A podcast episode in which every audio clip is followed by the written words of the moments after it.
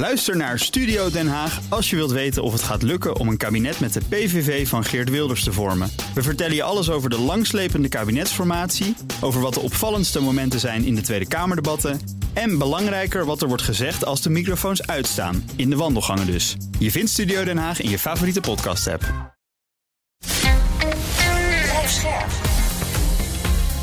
BNR Nieuwsradio. Boekenstein en de Wijk. Hugo Reitsma. Welkom bij Boekenstein en de Wijk. Het is dinsdag, dag 510 van de oorlog in Oekraïne. Met Peter Weininga als Rob de Wijk van dienst.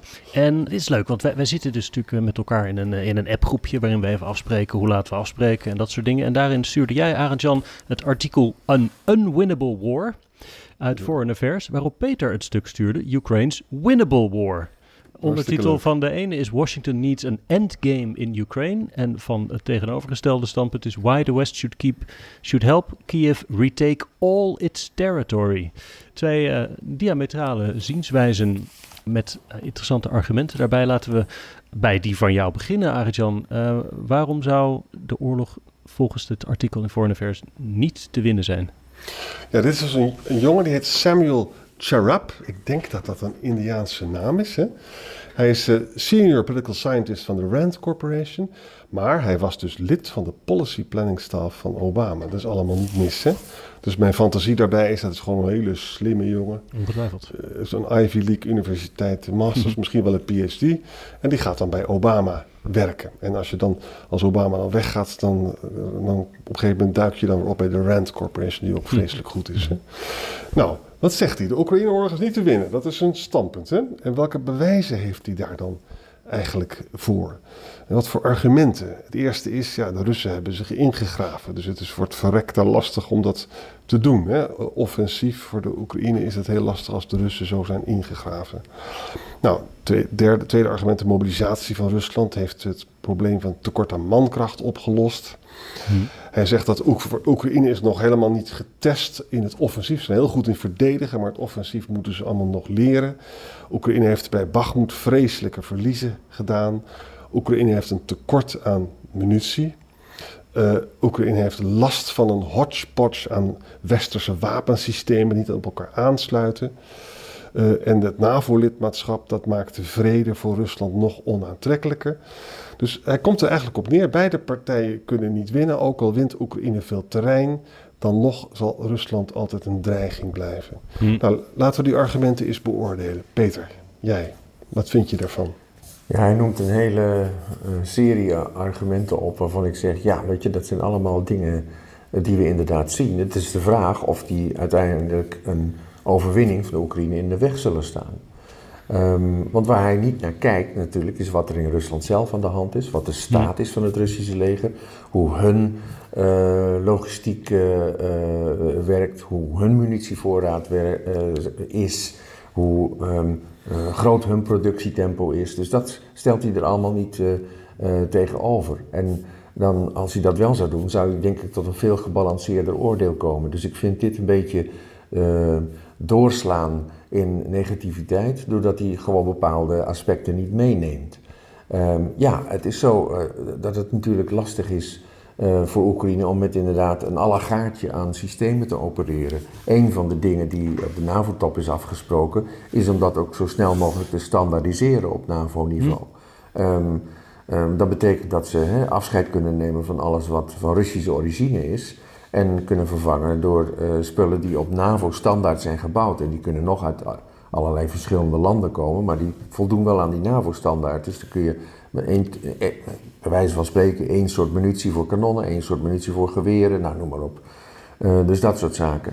Dus dat, dat kan verholpen worden. Het is natuurlijk wel zo, inderdaad, op, in theorie heeft Rusland veel meer soldaten achter de hand dan de Oekraïners. Uh, Rusland heeft 140 uh, miljoen inwoners en Oekraïne heeft er 40 of 44. Mm. Um, dat klopt, dat is waar. Maar we hebben ook eigenlijk gezien dat het Russische mobilisatiesysteem, in tegendeel tot wat de schrijver beweert, helemaal niet zo goed werkt. En dat de troepen vaak uh, slecht getraind of helemaal niet getraind slecht van uitrusting voorzien, nauwelijks met wapens en kogels aan het front komen en toch in de strijd worden geworpen. Dus het is maar de vraag of het allemaal zo goed loopt aan de Russische kant, het mobilisatiesysteem. Um, het is inderdaad ook zo dat het uh, westerse landen moeite kost om Oekraïne van munitie te voorzien, omdat ze natuurlijk veelal ook uit eigen voorraad moeten putten. Dat is met name het afgelopen jaar gebeurd, omdat het afgelopen jaar uh, de westerse industrieën nog niet op een hoger tempo zijn gaan werken. Tenminste, die waren wel bezig om op te schalen, maar dat duurt even. Je hebt niet alleen te maken met processen die je moet versnellen en daadwerkelijk productieapparatuur die je erbij moet kopen, maar ook met toeleveranciers die sneller moeten gaan werken, et cetera, et cetera. En je hebt uiteindelijk meer mensen nodig. Dus dat kost tijd. Nu ehm, zijn uh, fabrieken in Amerika ehm, in staat al geweest om de productie in een jaar tijd te verdubbelen. Dat is mooi. Dat betekent dus ook dat het probleem voor in het voorzien van munitie en wapensystemen voor Oekraïne met de tijd ook kleiner wordt. Ehm, hm. Dus ja, het is maar de vraag of uh, die redenatie die de schrijver heeft gehanteerd uh, stand houdt. Ja, dat tekort aan munitie in Rusland, ja, dat, dat, dat, in Oekraïne, dat is natuurlijk waar, maar er komen wel dingen aan. En Rusland heeft zelf ook een tekort aan munitie. Hè? Dat is allemaal argumenten die je noemde. Eén dingetje heb ik nog niet genoemd, waar, waar ik wel ook zelf een beetje wakker van lig, al enige maanden. Stel je nou eens voor dat er geen doorbraak komt. Hè? Gewoon door die klote uh, mijnen die er allemaal liggen. Ehm, het kan natuurlijk een heel een jarenlang conflict worden. Hè?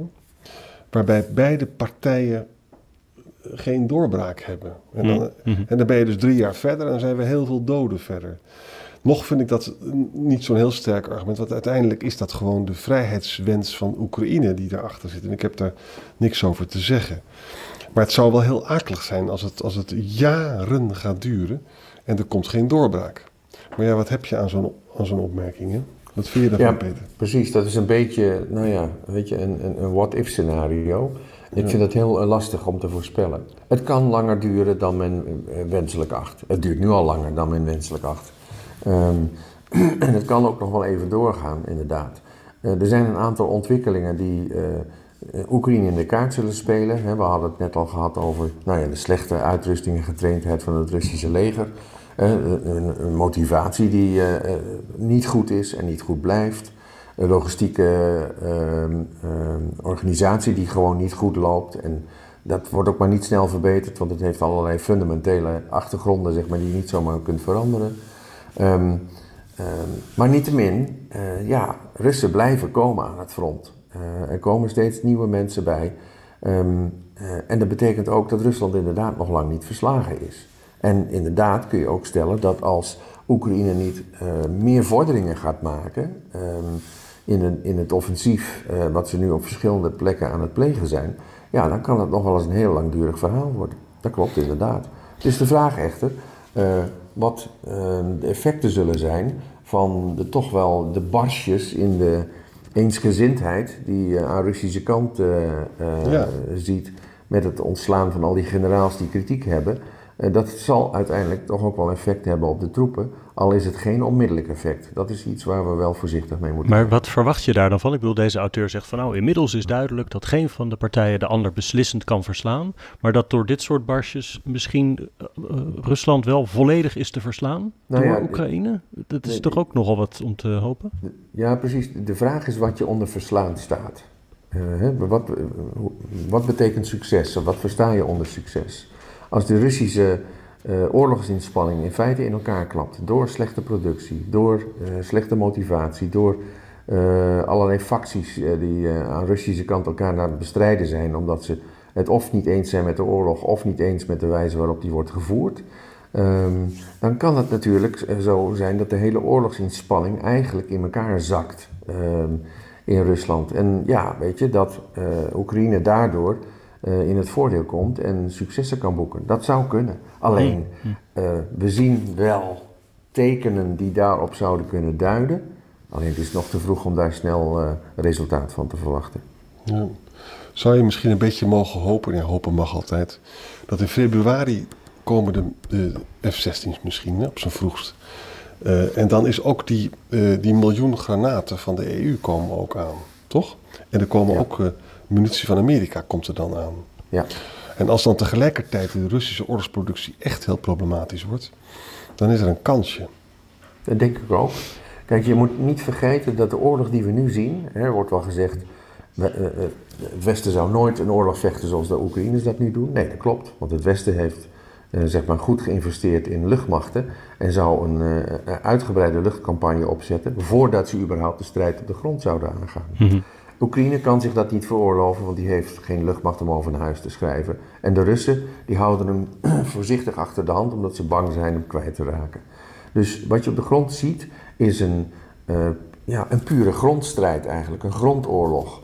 Eh, er zitten wel aspecten aan van luchtoorlog. Denk aan de drones, denk aan die raketten die ze over en weer eh, schieten. Maar dat is het dan ook. Als die F-16 komt en die is in staat zich aan het front te doen gelden, want dat is wel even een, punt nog wat wel geregeld moet worden, dan moet je Russische luchtafweer eerst uitschakelen daar in de buurt van het front. En dan kan die F-16 daar eh, van nut zijn. Maar dan eh, zijn de Russische eh, grondtroepen, ja, ik wil niet zeggen ten dode opgeschreven, maar heel makkelijk doelwit voor F-16's. Ja. En met name denk je dan aan Russische artillerie en aan Russische tanks. En als dat zeg maar wordt bestreden op effectieve schaal eh, door eh, eventueel eh, Oekraïnse F-16's, ja, dan zal dat best wel eens een verandering teweeg kunnen brengen. Ja. En Weet je, eh Ozinga vertelde in die HCSS-podcast... er zijn waarschijnlijk tussen de 400 en 450 Russische vliegtuigen in de Donbass. En er zijn 40 tot 60 oude Russische vliegtuigen aan de Oekraïnse kant... die vreselijk slijten. ja, dat klopt. Eh, en het gekke is, de Russen hebben dus met die 400 tot 450... maar 250 sorties per, per dag. Ja, dat is heel weinig als je dat vergelijkt met wat het Westen bijvoorbeeld vliegt. ehm, bij een dergelijke operatie, dan heb je het al over een paar duizend eh, per dag. Tja. En, eh, en- en bovendien zijn dat soorties die daadwerkelijk een veilig gebied binnenvliegen. De Russen doen dat niet, die blijven uit Oekraïne weg. Ja, Eh, ja. Omdat Oekraïne uiteindelijk, eh, met dank aan het Westen, eh, enorm veel luchtafweer zeg maar, heeft ontplooid. eh, waardoor je een soort eh, ehm, eh, zeg maar air denial kunt plegen, zoals dat heet. Hè. Je ontzegt je tegenstander de toegang tot jouw luchtruim. Ehm, nou, dat is in eh, Oekraïne heel effectief eh, gebeurd met behulp van het Westen. En dus die 250 sorties die de Russen per dag vliegen, die komen ook niet eens zo ver. Die zijn nauwelijks effectief, want ze worden ook nauwelijks echt tegen de Oekraïners ingezet. En met die sorties stellen ze nog mee. De sorties die worden gevlogen boven de Kaspische Zee, bij wijze van spreken, om kruisvluchtwapens op Oekraïne af te schieten. Dus die komen helemaal niet in de buurt van het front.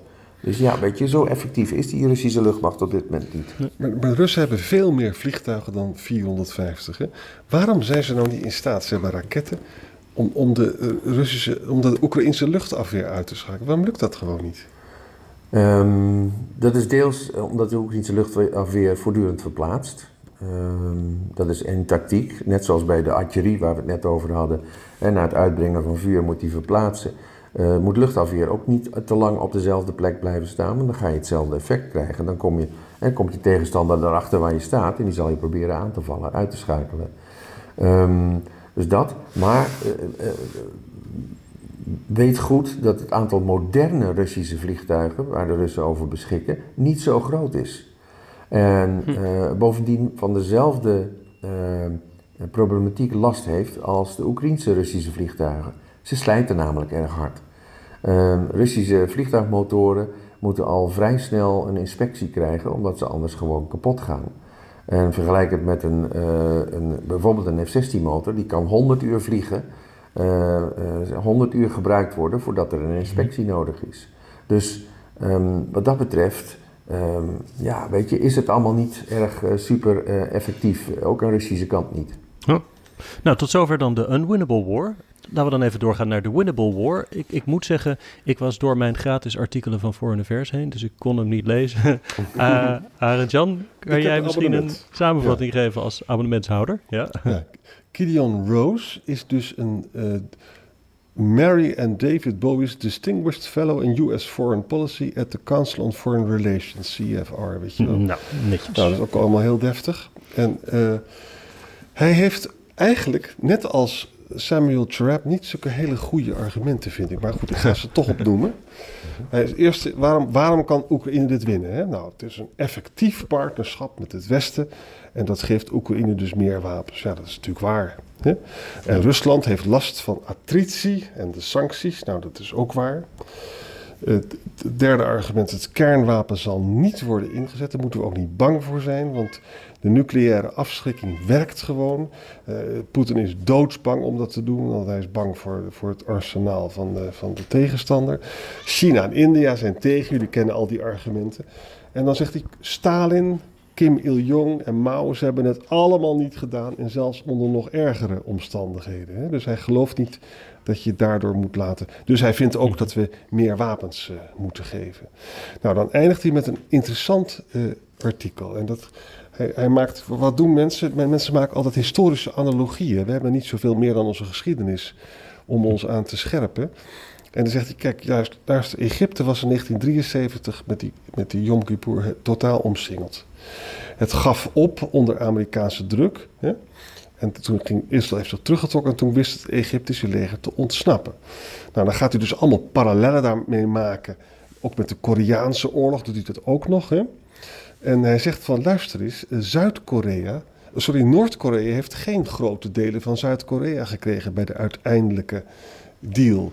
Dus met andere woorden, het is onjuist uh, uh, om nu al te zeggen dat je gaat onderhandelen en dat je, dat je een bepaald gebied zou afstaan.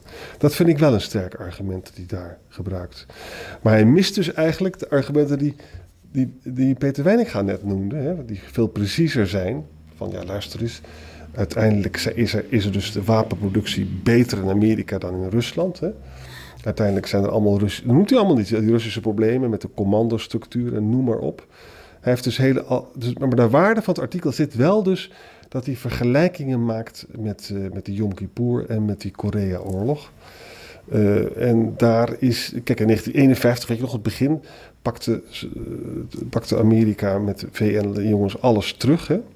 In 1953 wordt het dan een, een uh, territoriale status quo ante. Hè? Dus dan pakken ze die middenlijn weer terug.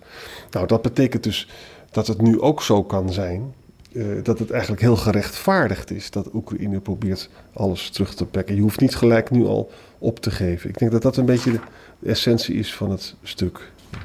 Wat vind je ervan, Peter? Ja, ik, ik ben het wel voor een belangrijk deel met je eens, Arend Jan. Het stuk staat bol van typisch Amerikaans optimisme. Ja. um, um, en inderdaad, uh, niet alle argumenten die hij gebruikt zijn even steekhoudend. Um, ja. Kijk, wat we zien eigenlijk is, uh, een, nou, ik, ik, zou bijna willen zeggen, ouderwetse industriële oorlogvoering. Hm. Uh, en dat betekent eigenlijk dat de, uh, de industriële capaciteit gaat bepalen wie er gaat winnen. Hm, hm, ja. En de industriële capaciteit van het verzamelde Westen, aangevoerd door de Verenigde Staten, is natuurlijk veel groter dan wat Rusland ja, zeg maar allemaal zeg maar in, het, in het geweer kan, kan roepen. Dus Um, dat gaat denk ik voor een belangrijk deel bepalend zijn voor de uitkomst. Nou ja, en dan zou je dus bijna kunnen voorspellen dat op basis daarvan Oekraïne zou moeten kunnen winnen. Hmm. Nou is de vraag natuurlijk um, um, of dat, dat ook daadwerkelijk zover gaat komen. Of er inderdaad uh, zo lang oorlog gevoerd moet worden dat inderdaad de hele westerse industrie wordt ingeschakeld om Oekraïne aan die overwinning te helpen. Um, misschien dat het al eerder effect kreeg, juist door hè, dus, nou, een combinatie van sancties, uh, oorlogsmoeheid, met name aan de Russische kant, omdat het allemaal niet zo goed gaat. En Oekraïne stukje bij beetje toch steeds meer van het, de Russische geannexeerde gebieden afsnoept. Um, en de Russen in staat is grote verliezen toe te brengen. Dat speelt ook natuurlijk mee. Dus het is de vraag hoe het dan precies gaat lopen. Ik, ik denk dat. Um, uh, ik ben zelf ook gematigd optimistisch. Alhoewel ik me heel goed realiseer dat Rusland nog lang niet verslagen is op dit moment. En dat het waarschijnlijk ook nog wel even zal duren. Maar uh, ik denk wel, en dat ben ik met de optimistische schrijver eens, dat de kansen voor Oekraïne nog steeds aan het groeien zijn. Als je hm. kijkt naar zeg maar de situatie en je vergelijkt de twee landen en hun krijgsmachten uh, in wat is het, 24 februari 2022 en de dag van, de dag van vandaag, dan kun je zeggen dat Oekraïne alleen maar sterker is geworden en, ook, en Rusland eigenlijk alleen maar zwakker is geworden in dat anderhalf jaar tijd. En ja, als die trend zich voortzet, dan gaat Oekraïne natuurlijk hier uh, als winnaar uitkomen. Of dat betekent dat ze daadwerkelijk in staat zijn alle geannexeerde gebieden helemaal terug te veroveren, is zeer de vraag. Het hmm. kan heel goed zijn dat op, moment een, op bepaald moment een situatie ontstaat waardoor men in Rusland beseft, dit kan zo niet verder, we houden dit niet vol. Um, dat wordt, dit is onmogelijk, dit is niet meer houdbaar, et cetera. Ja, en dan is het maar net de vraag wat er aan de Russische kant gebeurt. En dan zou het best wel eens tot een, nou ja, een onderhandeling kunnen komen voordat Oekraïne alle uh, stukken uh, grond terug heeft veroverd. Ja. En weet je, het argument dat, wat helemaal Gideon Rose niet noemt, en dat vind ik zo spannend. Er stond dus, vorige week was er een Newsweek artikel, wat ook aangehaald werd door Helga Salomon bij Op1. Hè? Die, die zit echt kremlinologie te, te hm. bedrijven. Hè? Ja, en, en, haar, en, haar, stelling is dus van, uh, door dat hele gedonder met Prigozhin, is er een uh, machtsverschuiving. Of de, de macht is anders verdeeld onder de Russische elite. Wat ik me heel goed kan voorstellen. Hè? Nou, in dat Newsweek-artikel, of het waar is, jongens, ik weet het allemaal niet, maar ik zeg het maar gewoon, mhm. wordt dan dus gewoon beweerd dat in die Leningrad Oblast, hè, dus daar komt hij vandaan, Petersburg, hè, daar komt uh, de beste Poetin vandaan. Mhm. Nou, daar zitten dus zijn grote vrienden. En die hebben besloten dat Poetin eigenlijk vervangen moet worden. Door Prigozhin of door, de, of door zijn uh, kabinetchef Kirienko. Die wordt heel vaak genoemd. Hè? en, en Kirkin, die, die staat trouwens zelf, die zegt ook allemaal dingen even ertussendoor. Die wil dus veel harder vechten. Hè? Terwijl dus Prigozhin wil eigenlijk onderhandelen. Hè? Maar goed, even terug naar dat punt. Als het zo is dat Poetin veel minder sterk in het zadel zit... en dat er sommige mensen, ook met name dus de, de oligarchen... zeggen van die oorlog gaat helemaal niet goed... en we gaan gewoon te veel verliezen... ja, dan kan dat natuurlijk toch een... Uh, tot dat kan heel ondermijnend werken voor Poetin. En dat kan uiteindelijk indirect ook de de, de, spankracht, de militaire spankracht van Rusland gaan verminderen.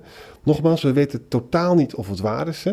Maar wat er dus gezegd wordt door Helga is die, uh, die gouverneur van uh, Moskou, meneer uh, Andrei Vorovjov en de Moskou-burgemeester Sobyanin, die zijn verzwakt en Poetin dus ook, want dat zijn zijn sterkste vriendjes. Maar die, die Petersburg-groep, en die heet dan dus de O-Zero Lake Corporation. Oh, dat vastgoedclubje. Ja, dat vastgoedclubje, ja. en, en, die vinden dat Poetin het gewoon niet zo goed doet. En die overwegen dus om iemand anders aan te stellen. Of wat er van waar is, weet ik niet. Maar het is eindeloos leuk om je daar te verdiepen in die criminologie. En ik moet je zelf zeggen dat toen na Prikoshin ook Popov kwam, dacht ik van nou, dit is wel heel ernstig hoor. Ja, en inmiddels nog twee. Ja. Het, doet me even denken wat jij net vertelt, Arend Jan, aan een uh, artikel van een Russische journalist. Ik ben de naam even vergeten, die ook in het Westen werkt tegenwoordig. Maar die had het over een strijd tussen de bende van Petersburg, noemden ze dat, en de bende van Moskou. Hm. En, uh, een machtsstrijd eigenlijk. Ja. En Prigozhin en Poetin behoren allebei tot de bende van Petersburg. Ja. En uh, Shoigu en Gerasimov, en die, die, gouverneur inderdaad, en die burgemeester die je net noemde, dat is de bende van Moskou. Ja, um, ja um, het is maar net, uh, als het zo is inderdaad, um, wat de uitkomst van die strijd gaat worden. En het kan heel goed zijn dat Poetin door zijn eigen bende wordt gezien als iemand die verzwakt is en misschien wel vervangen moet worden. Dat zou kunnen. Maar of dat op stel en sprong gaat gebeuren, dat durf ik niet te zeggen. Het is wat dat betreft uh, heel uh, ingewikkeld spel, denk ik, wat daar wordt bedreven. Want iedereen is voortdurend aan het positioneren en herpositioneren om te kijken van als ik dit doe, wat doet hij dan, et cetera.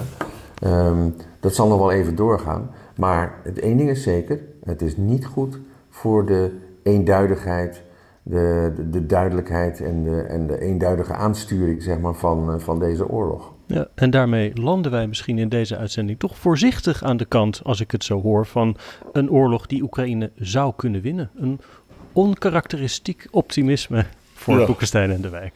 Maar, maar het betekent niet dat ze al het grondgebied uh, terug uh, zullen winnen. Hè? Dat weet, betekent het niet. Nee, het is inderdaad de vraag of ze daar militair toe in staat zijn. Want het is nogal wat. Het is hartstikke veel. Ja. Um, wij, wij verkijken ons er nog wel eens op, maar ja, we zijn een klein kikkerlandje. Maar alleen de Donbass is al drie, vier keer zo groot als Nederland. Ja. En er is veel meer dan de Donbass natuurlijk geannexeerd. Denk ook aan de Krim, et cetera. Dus uh, ja, dat is inderdaad de vraag of ze dat helemaal kunnen. Ja, hey, dank jullie wel voor vandaag. Ja. En eh, tot, de volgende. morgen. Bij BNR ben je altijd als eerste op de hoogte van het laatste nieuws. Luister dagelijks live via internet. Bas van Werven. En heel langzaam komt de zon op rond dit tijdstip. Je krijgt inzicht in de dag die komt op BNR, het Binnenhof in Nederland en de rest van de wereld. De Ochtendspits. Voor de beste start van je werkdag. Blijf scherp en mis niets.